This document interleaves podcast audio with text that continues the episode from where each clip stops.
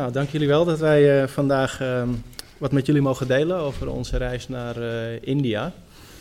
Um, voor degenen die ons niet kennen, mijn naam is Taco Berendschot. Ik um, ben hier uh, penningmeester en ik geef af en toe de zondagschool.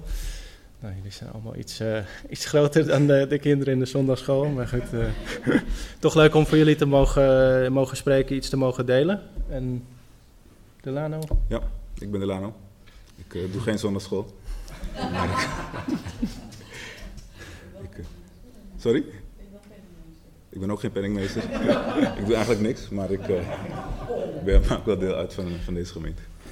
Um, Zo'n jaar geleden is hier een organisatie geweest, Friends of the Fatherless. En dat is een christelijke caritatieve instelling. En wat zij doen is, zij selecteren over de hele wereld, selecteren zij leiders van uh, weeshuizen.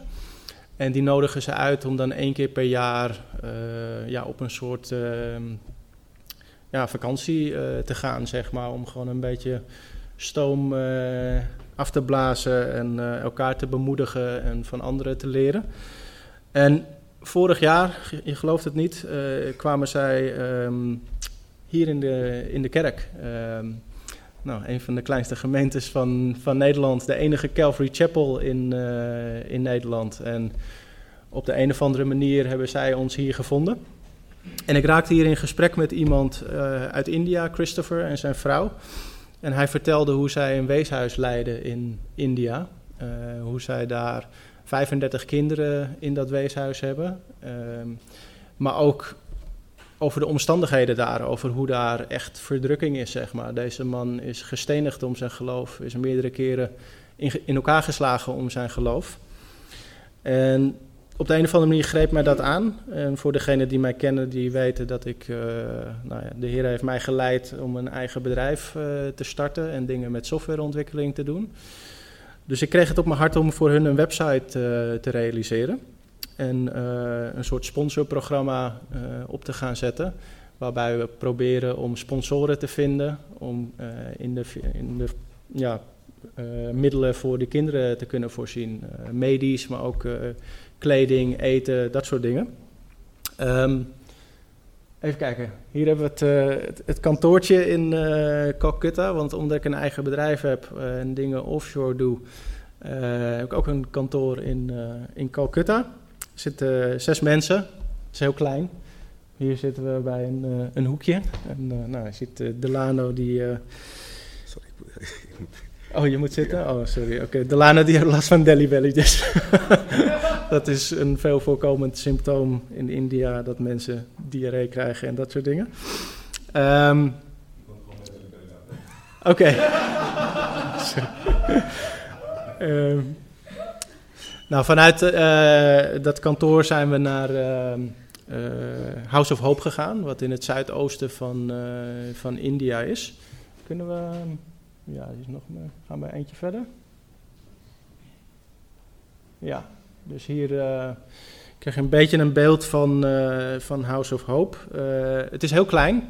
Ze leven daar misschien op 50 vierkante meter met iets van 40 mensen. Ehm, het is gehuurd. En ja, wat me ook wel echt duidelijk geworden daar is, het is gewoon niet veilig. Uh, die kinderen die krijgen regelmatig uh, klappen van de huisbaas, omdat ze te veel lawaai maken. Uh, maar we hebben daar ook echt gezien dat dit, dit is de armste bevolkingsgroep van India. En ze hebben daar een soort kastensysteem. En deze kasten is eigenlijk gewoon, die mensen zijn gewoon niets waard in, in India. En het leven van een kind is al helemaal niets waard. Dus er gebeuren daar gewoon dingen dat kinderen ontvoerd worden, uh, dat er uh, ledematen worden afgehakt en die worden gedwongen om uh, te bedelen, zeg maar. En die inkomsten gaan ook niet naar die kinderen, die gaan gewoon naar de, een soort maffia is dat. maar ook organenhandel is een, een probleem, een misbruik. Um, dus eigenlijk de grootste zorg die ze hebben bij uh, House of Hope is de veiligheid van de, van de kinderen. Omdat ze in zo'n kleine ruimte met zoveel uh, zitten, is dat moeilijk te borgen. En ze hebben nu al een aantal keren gehad dat er uh, mensen praten met die kinderen, kinderen wegrennen en die komen ook nooit meer terug. En ze weten niet wat ermee gebeurt. En natuurlijk wordt het aangegeven bij de politie, maar ja, het is gewoon heel, ehm, heel heftig. En ook de christenvervolging in, uh, in India is, is echt uh, substantieel, zeg maar. Um, dus wij kwamen daar aan en kregen ook gelijk te horen van... joh, gebruik niet jullie eigen naam hier. Uh, dus wel een soort schuilnamen, zeg maar. dat je toch opvalt als westerling.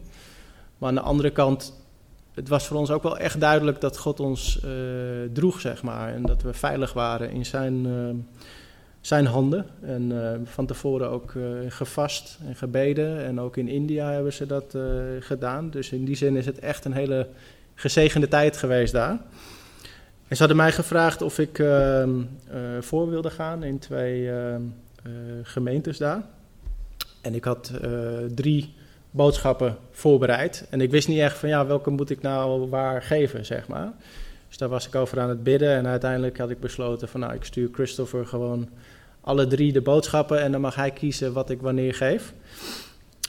Maar toen zeiden ja, we hebben ook nog een, uh, een crusade uh, georganiseerd. Dus naast die twee keer in de, in de kerk dat je uh, voor mag gaan, willen we ook graag dat je iets deelt met ja, ongelovigen.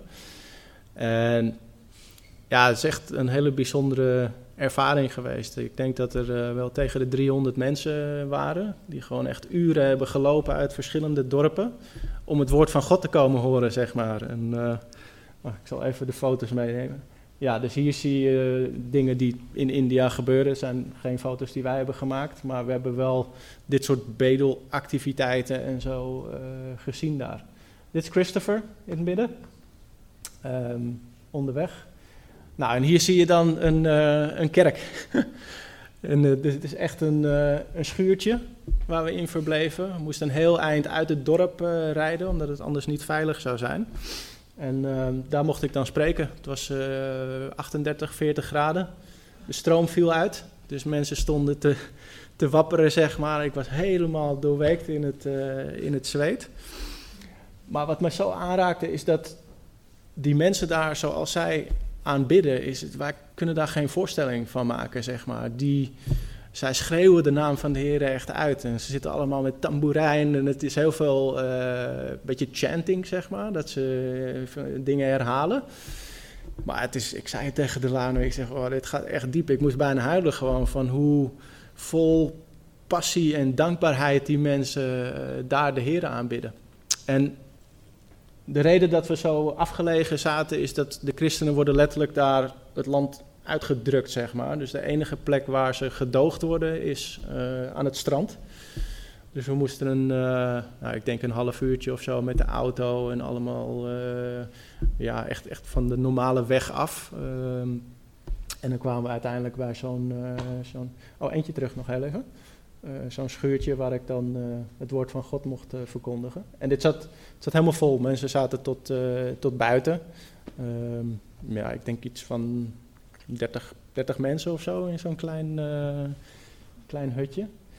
En ook na afloop er, is gewoon, er komen zelfs nog mensen die niet bij de dienst zijn geweest uit het dorp. Die komen ook gewoon om gebed vragen. Dus we hebben daar echt wel uh, een tijd moeten reserveren om aan het einde te bidden. Er is niemand die niet om gebed vraagt, omdat ze, ze hebben helemaal niets daar. En ze hebben het echt nodig, zeg maar. En uh, om genezing, uh, mensen die willen bidden omdat ze Engels willen leren, bijvoorbeeld. demonische dingen hebben we daar volop gezien, waar mensen gebed voor, voor vroegen. En Kobus die stuurde mij op een gegeven moment um, uh, een vers uit Handelingen 4, vers 29 tot uh, 32. Ja, oké. Die zal ik wel even lezen. Handelingen 4.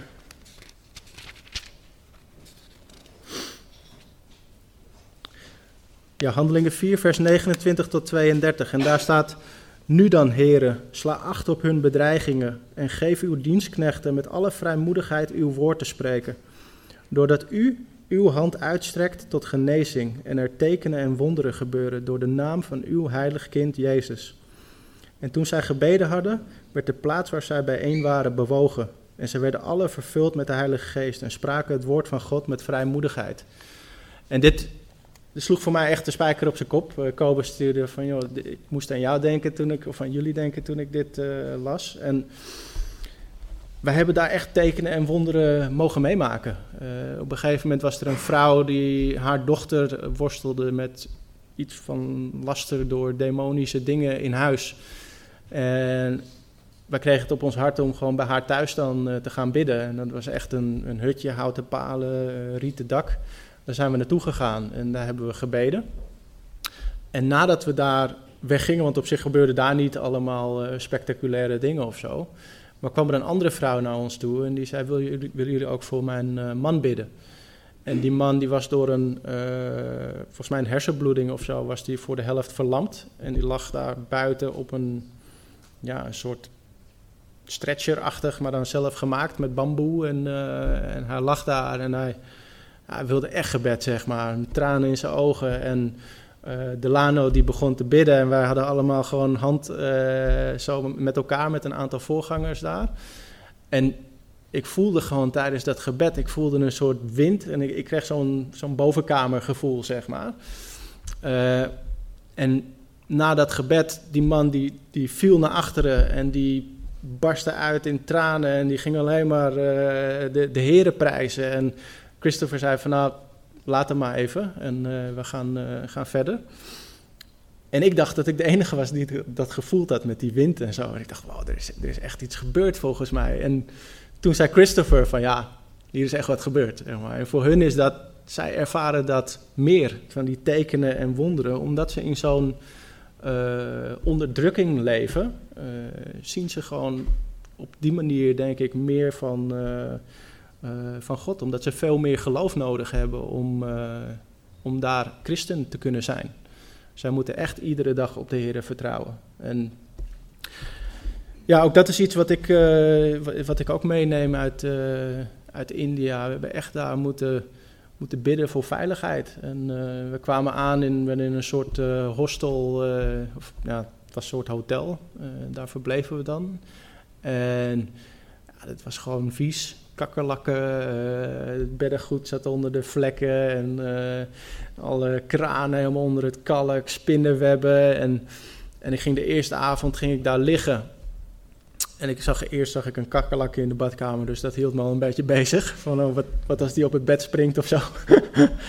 uh, maar ik begon ook geluiden te horen en dat soort dingen. En uh, ik hoorde de volgende dag dat bij Delano de tv ineens uh, aansprong. Dus ik heb toen echt hardop gebeden daar. Op een manier, ja, hier heb ik dat nog niet zo meegemaakt, zeg maar. Maar je hebt daar, ja, het, is gewoon, het, het gevaar ligt gewoon veel meer op de loer, zeg maar. En ik denk ook dat de vijand zich daar op een andere manier uh, laat zien en kenbaar maakt. Uh, juist omdat ze daar heel veel afgoden aanbidden en de vijand daar ook ja, de, kans loopt dat mensen hem gaan aanbidden, wat uiteindelijk is wat hij wil. En dat is natuurlijk wel heel anders dan hier. Hier heeft hij alleen maar iets te verliezen door zichzelf te laten zien. Want als hij echt is, dan kunnen we tot de conclusie komen dat de Heer Jezus ook echt is. Um, ja, dus dat is even een ehm, kleine getuigenis. Ik moet nog even een paar foto's uh, doen. Ja. ja, dus hier zie je, uh, ik heb de zondagschool heb ik gedaan voor de, voor de kinderen. Nou, en dit is dan die ruimte. Dat is dan, uh, dus ze hebben drie ruimtes. Eén ruimte verblijven de meisjes, eentje de jongens. En dan hebben ze de keuken waar de ouders met kinderen verblijven. En ik denk echt dat het 10 tot 15 vierkante meter is zo'n kamer. En het is, ja, ze liggen daar allemaal, dekens gaan op de grond, liggen ze allemaal hutje-mutje. Nou, dit is dan die crusade. Um, dit liep, liep steeds meer vol, gewoon, uh, gewoon buiten. En um, ja, daar, daar sta ik dan. was wat, uh, wat ongemakkelijk. Kijk, hier heb je nog een kansel waar je op kan leunen, maar daar is die tafel ook nog tot, tot laag. Maar ik heb daar wel gewoon mogen. Ik, ik heb mensen aan het einde uitgenodigd om hun leven aan de Heer te geven. En ook geleid in, in gebed. Dus we hebben eerst de, de Roman Road, heet dat. Een aantal versen uit Romeinen heb ik uh, behandeld. toen die mensen geleid in gebed. En ja, er waren twee mensen die hun hand opstaken dat ze hun leven aan de Heer wilden geven. En uiteindelijk uh, stonden er daarna vier of vijf of zo.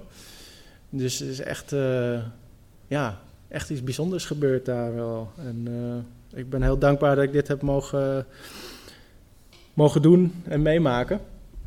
En uiteindelijk wat ik meeneem uit India is ja, een, een, nog grotere afhankelijkheid van, van God. Als ik zie hoe ze daar, ze kunnen geen medicijnen betalen of zo. En uh, ze zijn echt in alles volledig afhankelijk van, van de heren.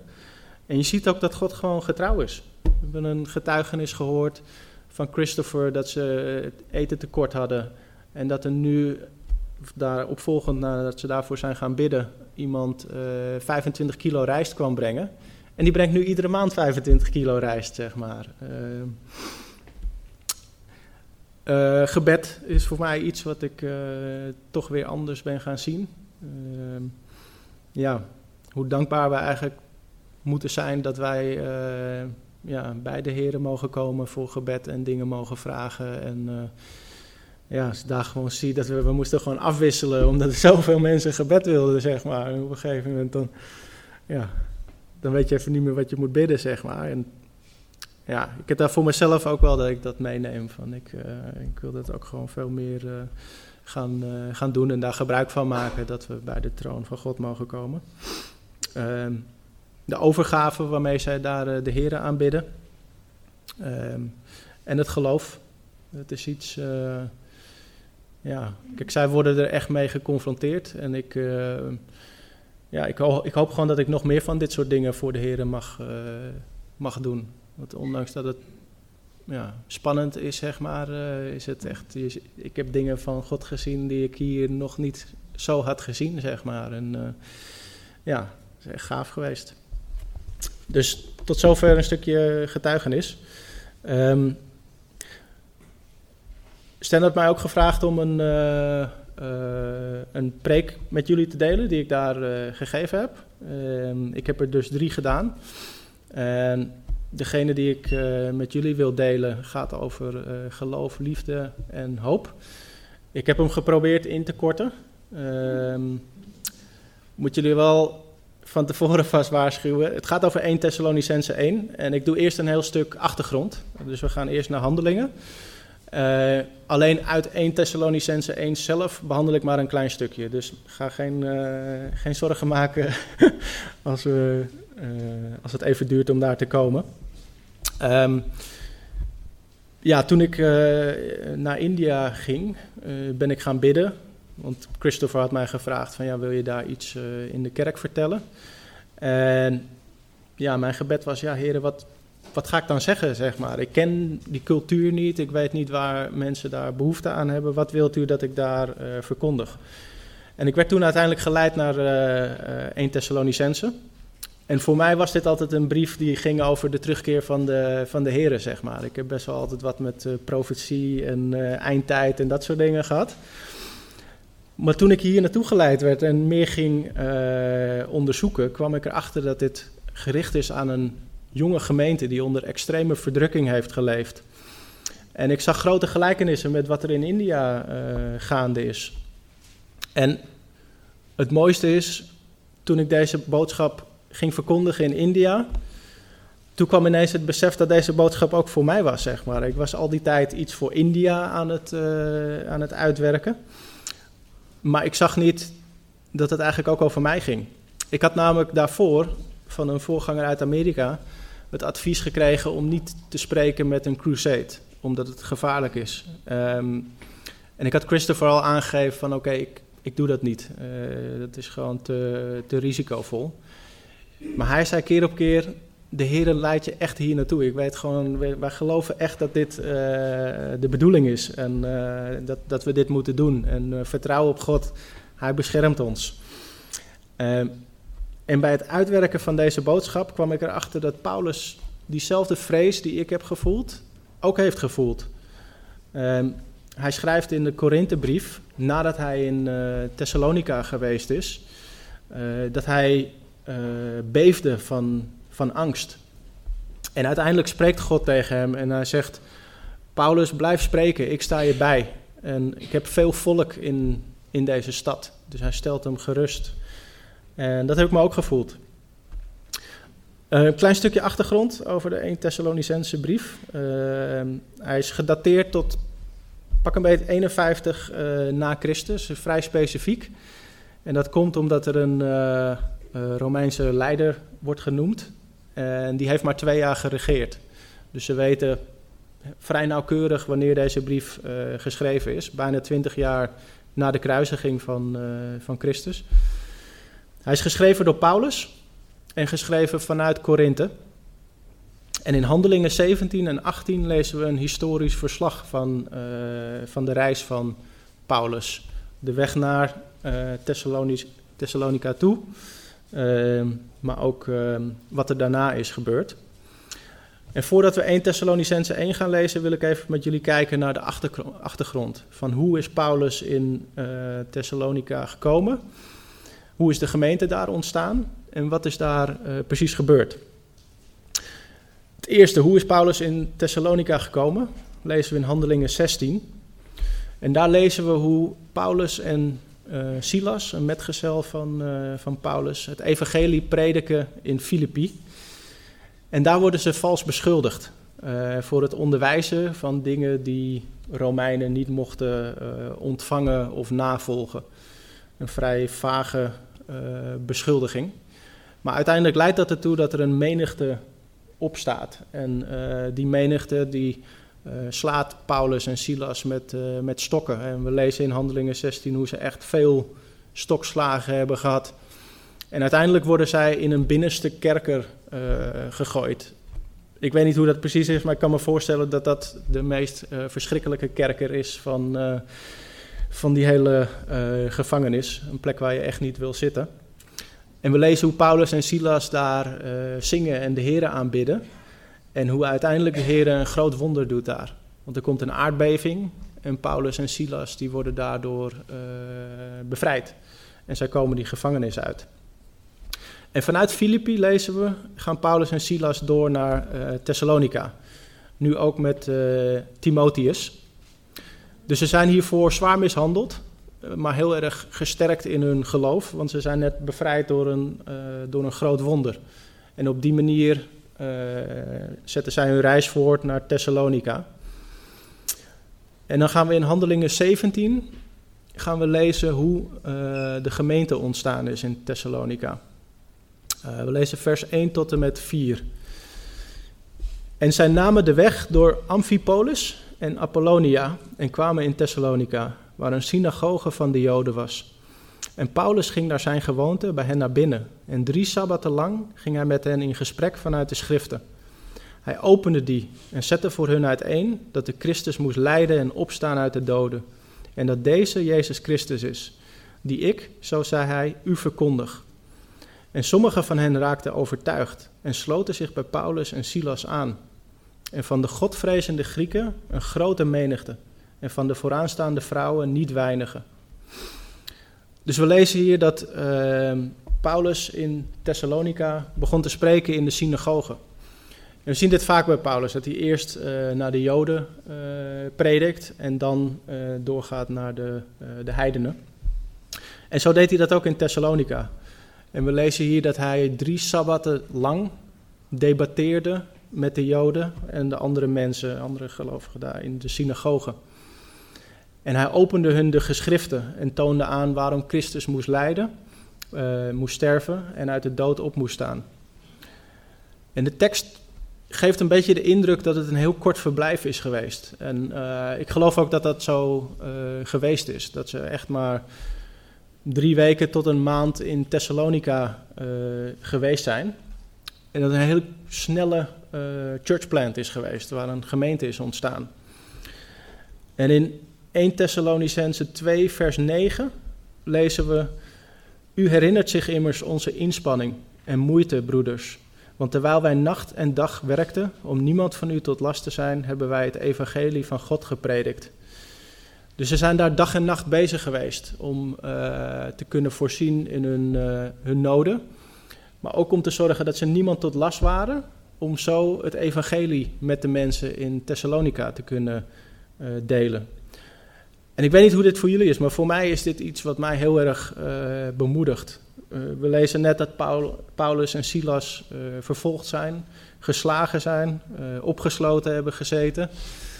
En hun reactie is niet dat ze stoppen of dat ze even, het even rustig aandoen. Nee, ze gaan door en ze werken dag en nacht om maar het evangelie te kunnen verkondigen aan de mensen in Thessalonica.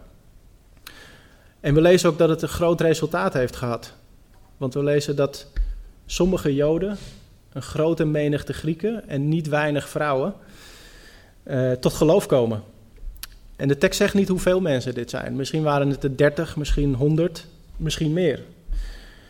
Maar het lijkt er wel echt op dat hier in een hele korte tijd gewoon de Heilige Geest letterlijk uitgestort is over uh, Thessalonica. En ik zie hier ook een gelijkenis met, uh, met India. Want in 2005 is in het gebied waar wij geweest zijn, is daar een opwekking geweest. En er zijn duizenden mensen uh, tot geloof gekomen. Dus na alle mishandeling, gevangenschap, komen ze in Thessalonica en krijgen ze daar echt een, een, een, een bergtop ervaring. Waar ze in één klap allemaal mensen tot, tot geloof zien, zien komen. En we zien ook dat hierna de vijand ook gelijk uh, in de aanval gaat. Want waar veel mensen tot geloof komen, dan valt het op en krijg je ook gelijk een, een, tegenbeweging. En in Handelingen 17, vers 5 tot en met 9, lezen we wat daar gebeurd is. Maar de Joden, die ongehoorzaam waren, werden jaloers en namen enkele slechte mannen uit het marktvolk apart, veroorzaakten een oploop en verstoorden de orde in de stad. En zij kwamen op het huis van Jason af en probeerden hen voor het volk te brengen. Maar toen zij hen niet vonden, sleepten zij Jason en enkele broeders voor, het, voor de bestuurders van de stad en riepen luid: Deze mensen, die de wereld in rep en roer gebracht hebben, zijn ook hier gekomen.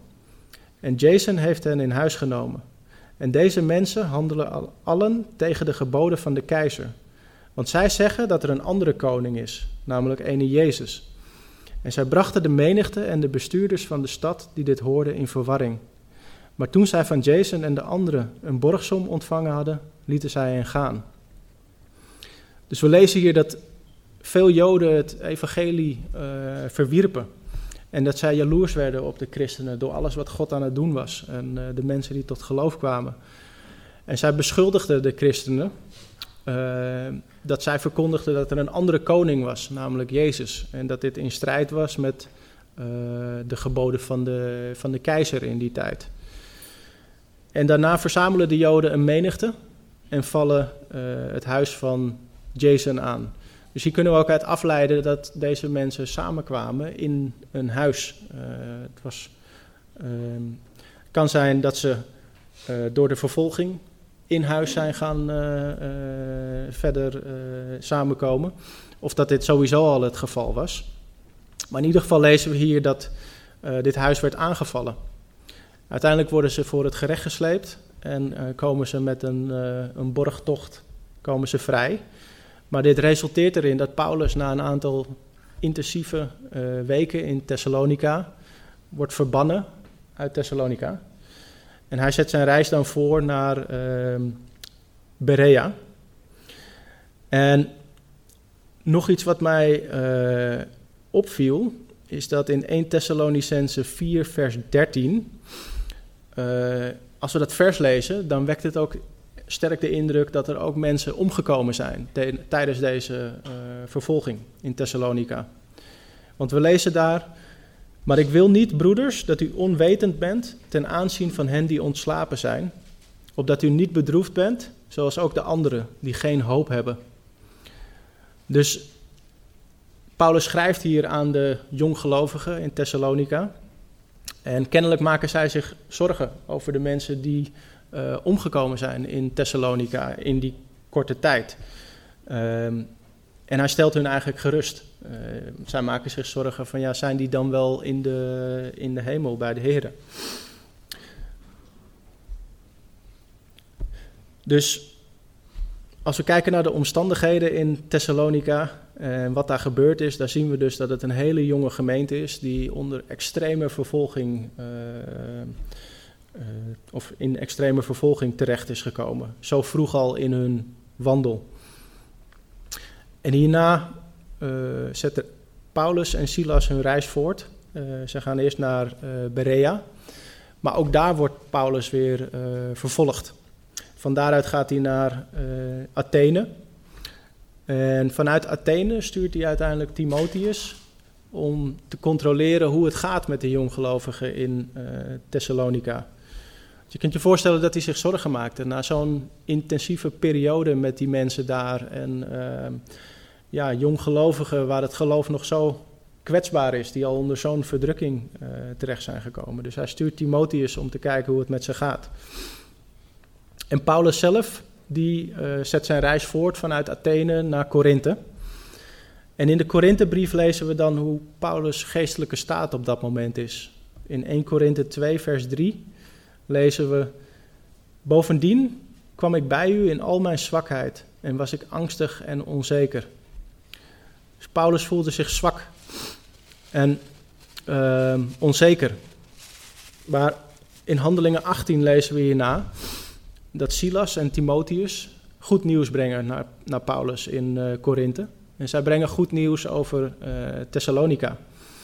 En dit bemoedigt Paulus om zijn werk voor te zetten. En daarna spreekt God tot Paulus in, uh, in een visioen om hem weer verder te bemoedigen. In Handelingen 18, vers 9 en 10 lezen we dit.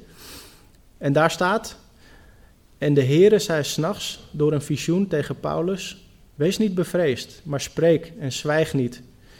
Want ik ben met u en niemand zal de hand aan u slaan om u kwaad te doen. Want ik heb veel volk in deze stad. Dus samenvattend zien we dat uh, het een zeer jonge gemeente is in Thessalonica.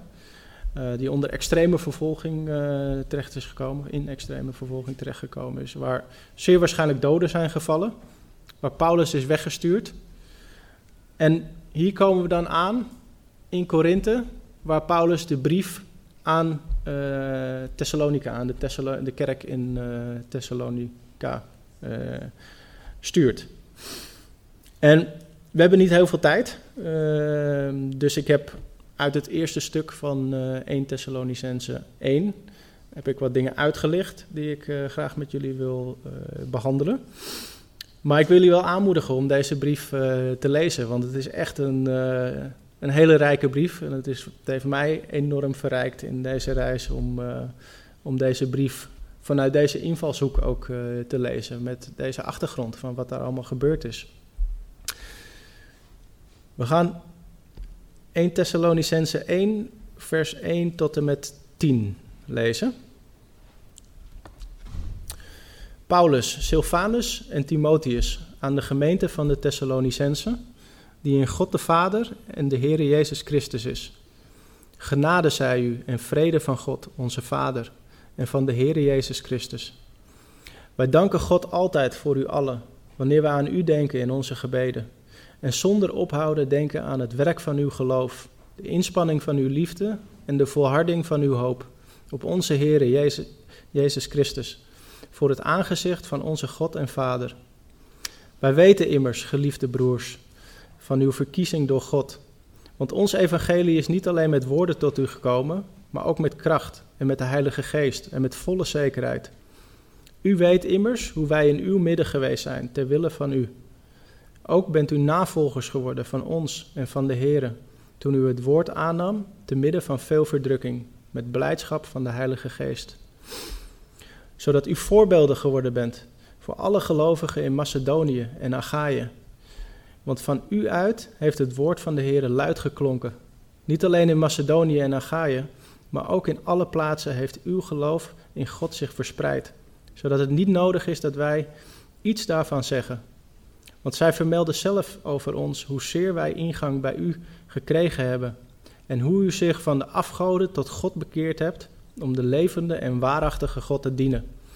En zijn zoon uit de hemelen te verwachten, die hij uit de doden heeft opgewekt, namelijk Jezus, die ons verlost van de komende toorn. En hier zien we echt het hart van, van Paulus voor de uh, gelovers in uh, Thessalonica. Hij dankt God voor iedereen en hij bidt onophoudelijk voor hun, uh, schrijft hij. En in vers 2 en 3 dankt hij specifiek voor drie dingen. Want daar staat: Wij danken God altijd voor u allen, wanneer we aan u denken in onze gebeden. En zonder ophouden denken aan het werk van uw geloof, dat is één. De inspanning van uw liefde, nummer twee. En de volharding van uw hoop op onze Heer Jezus Christus, voor het aangezicht van onze God en Vader. En het mooie vind ik dat dit alle drie dingen zijn die door God zijn gegeven. Dus geloof ontvangen wij van God. Liefde, de liefde van God, ontvangen wij van God om weer door te kunnen geven. En hoop is iets dat wij van God uh, ontvangen. Dus Paulus dankt hun niet voor wereldse dingen, maar hij dankt hun voor het grote werk wat God in hun uh, gedaan heeft en, en doet. En dat uit zich in bepaalde dingen, in werken, in inspanning, in volharding. En ik wil die drie dingen even met jullie uh, uitlichten. Als we kijken naar het werk van geloof, daar uh, dankt Paulus voor de werken die zij doen uit geloof. En belangrijk is dat geloof zelf geen werk is, maar echt geloof resulteert in werk. En in vers 8 hebben we gelezen dat er benoemd werd dat hun geloof zich ver uh, verspreidde, zelfs tot in het buitenland. Een echt geloof, geloof wat gegeven is door God uh, aan degene die God met oprecht hart zoeken, heeft altijd een effect op het hart en het leven van de gelover. En dat is de bekering die we zien en het uitzicht in werken die we dan gaan doen. En het tweede punt is inspanning van uw liefde. En het woord dat hier gebruikt wordt voor inspanning, dat gaat over werken tot, tot de uitputting, tot je niet meer kunt, zeg maar. En ik denk dat het goed is dat we beseffen dat de zelfopofferende liefde die uh, Christus ons getoond heeft, uh, dat die liefde, die ontvangen wij ook van, uh, van God. En dat resulteert weer in de behoefte die wij kunnen hebben om onszelf op te offeren, om ons kruis op te nemen, om onszelf te, te verlogenen voor anderen, voor verlorenen om ons heen, misschien zelfs vijanden, mensen die ons kwaad doen. En het is een groot goed als we God zo lief hebben dat we onze eigen zwakte en moeheid vergeten.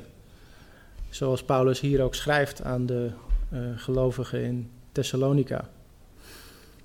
En het derde punt is volharding van hoop. En ons is een grote hoop gegeven. En die wordt keer op keer bevestigd. Uh, de hoop van het eeuwige leven. En de Heilige Geest die dat in ons bevestigt. Ik kan het niet uitleggen waarom ik zeker weet dat ik naar de hemel ga. Maar toch weet ik het. En dat is iets wat de Heilige Geest in mij uh, uh, gedaan heeft. En een zekerheid die Hij mij iedere dag weer, weer geeft. Maar door dit vooruitzicht kan ik volharden. Kan ik omgaan met uh, moeilijke beproevingen zonder de hoop te verliezen. Omdat er uiteindelijk een moment komt dat wij in de eeuwigheid zullen zijn en terug zullen kijken op een hele korte tijd van lijden hier. Zoals um, Petrus ook schrijft in um, 1 Petrus 5, vers 10 volgens mij. Um, en Paulus dankt de gelovigen in Thessalonica voor, voor deze drie dingen. En het zijn eigenlijk alle drie uitingen van echte, echte bekering. Mensen die echt gewoon de Heer met heel hun hart en ziel zijn gaan navolgen. En in vers 6 lezen we dan: Ook bent u navolgers geworden van ons en van de Heer. Toen u het woord aannam, te midden van veel verdrukking, met blijdschap van de Heilige Geest. En we hebben hier te maken met een uh, gemeente, een jonge gemeente, die onder extreme uh, verdrukking leefde.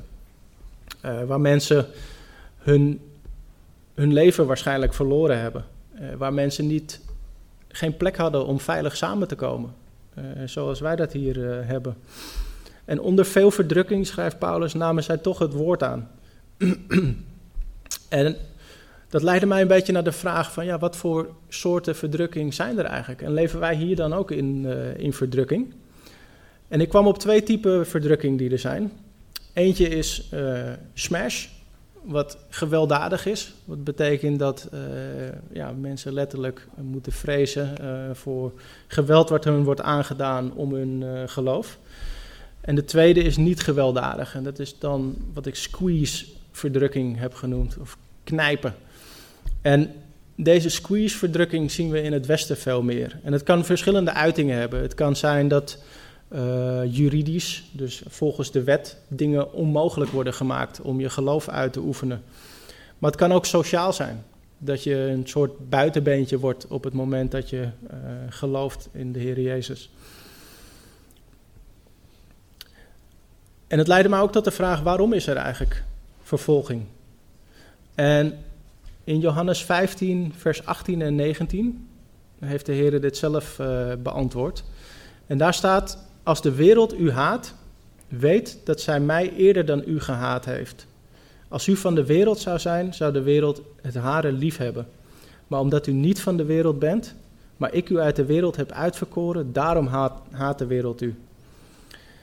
Dus we lezen hier dat vervolging in iedere vorm onderdeel is van onze wandel. Maar het is belangrijk om te onthouden dat het niet om ons draait. Uiteindelijk draait het om verwerping van Christus en om zijn boodschap.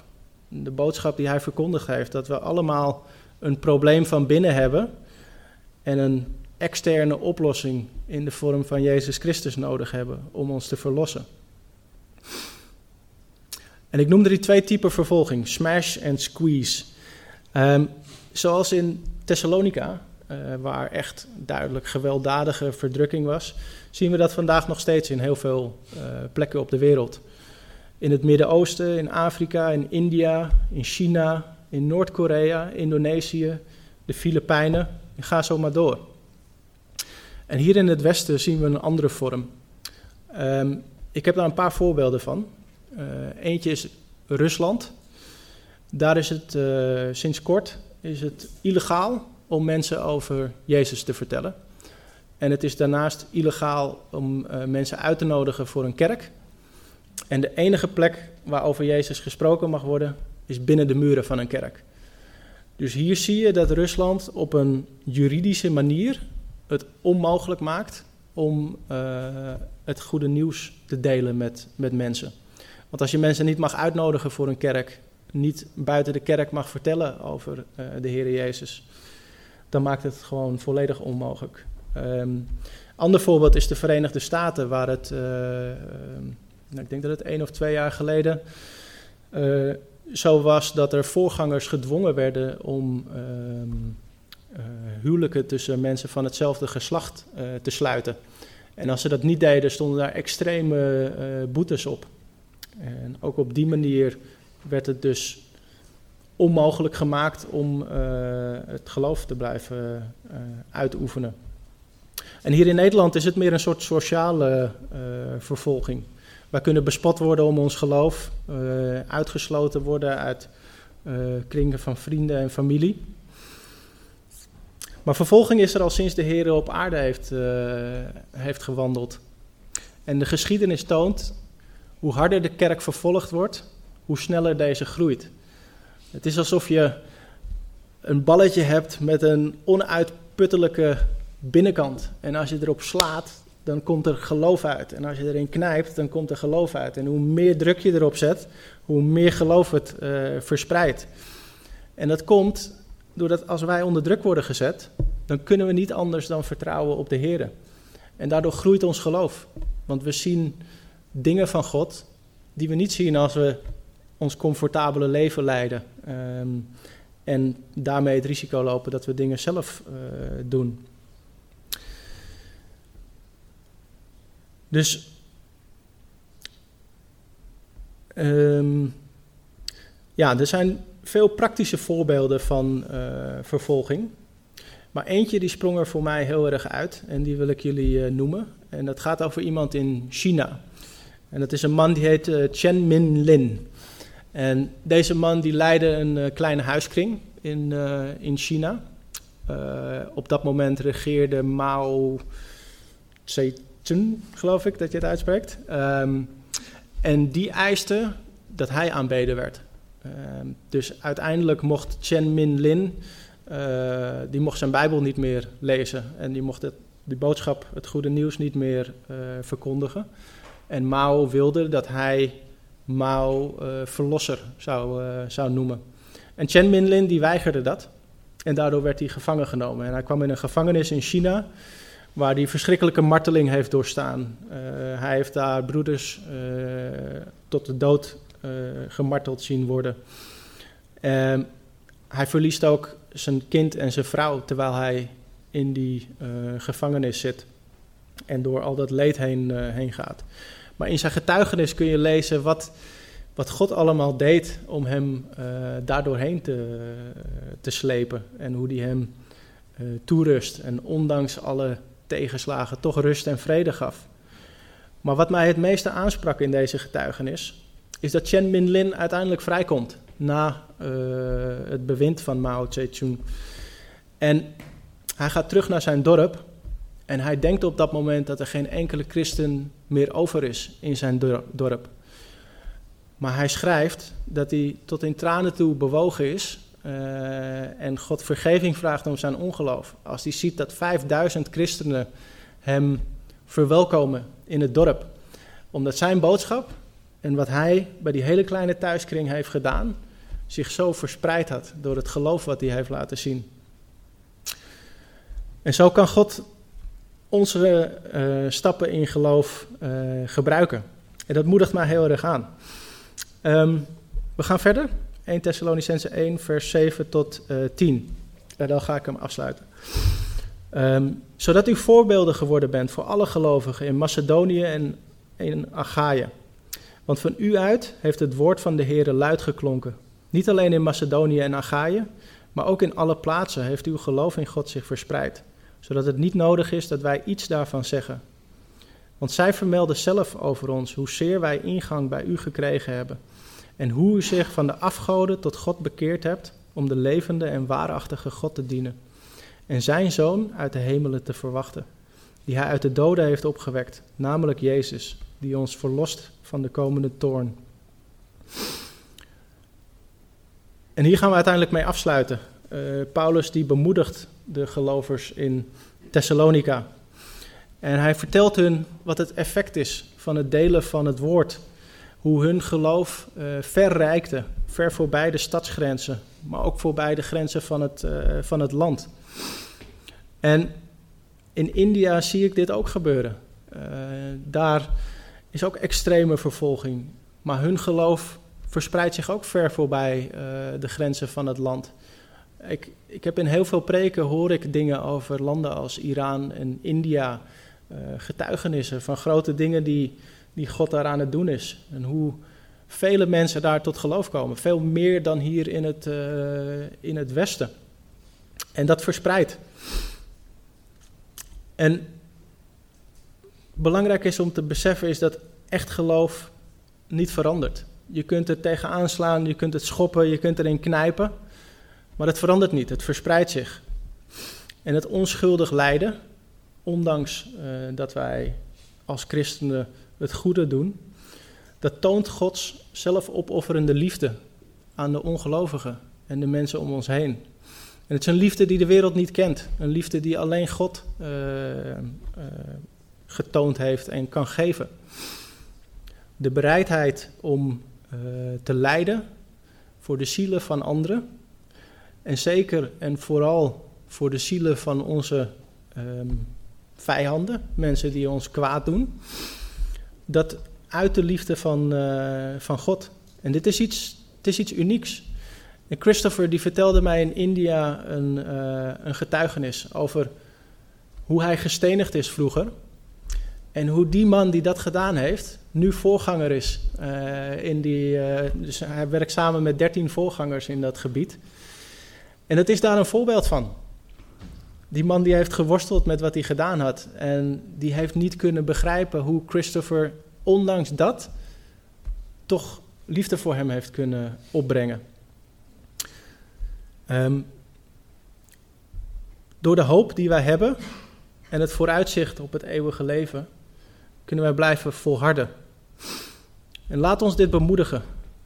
En onthoud goed dat die ene persoon waar we mee praten, die ene stap in geloof de potentie heeft om veel mensen te bereiken.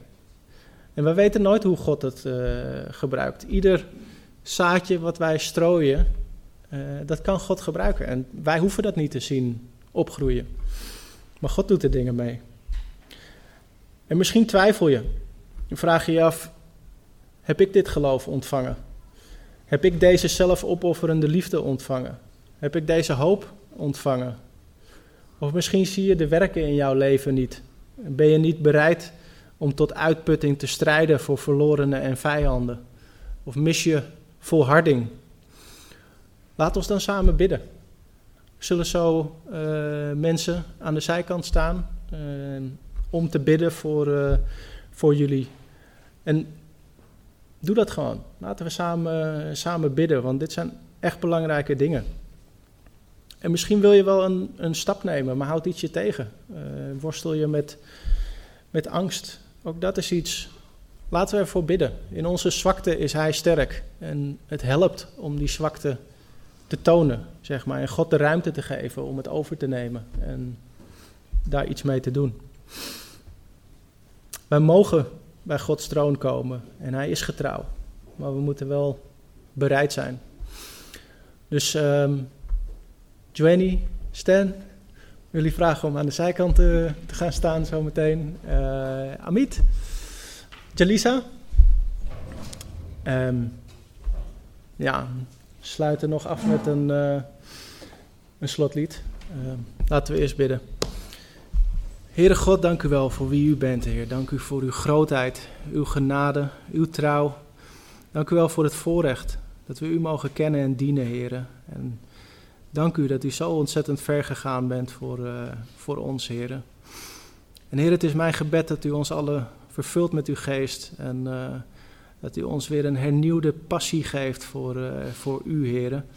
Dat u ons zult leiden in alles dat we doen. Dat u ons helpt om, om te bidden, om alles bij u neer te leggen. Om onze zwakte kenbaar te maken. En u de ruimte te geven, heren, om het over te nemen. En ja, gewoon grote dingen door ons heen te doen. Geen dingen die, die wij zelf doen, heren, maar uitingen van van uw geloof, uh, het geloof dat u ons gegeven heeft. Uw liefde, de liefde die u ons gegeven heeft. En ja, de hoop die u ons gegeven heeft, heren. Heer, ik dank u voor, uh, voor deze gemeente. Ik dank u dat wij hier in vrijheid en veiligheid mogen samenkomen om u te zoeken, Heer. Maar ik bid tegelijkertijd dat u ja, ons gewoon overtuigt en duidelijk maakt van hoe het ook in andere plekken van de wereld is, heren. En dat wij diezelfde passie als die zij voor u ervaren, dat wij die ook weer, uh, weer mogen ervaren, heren. Help ons ook om uit te reiken naar de verloren om ons heen, naar medechristenen in het buitenland die het, uh, die het zwaar hebben, heren. Maar doe uw wil met ons. Heer, we danken u, we prijzen uw grote naam en uh, we bidden voor de rest van de week dat u voor ons uit zult gaan, dat u ons zult zegenen. En dat we gewoon steeds meer van u mogen zien, van uw glorie, uw grootheid, heren. We prijzen uw grote naam. In Jezus' naam. Amen.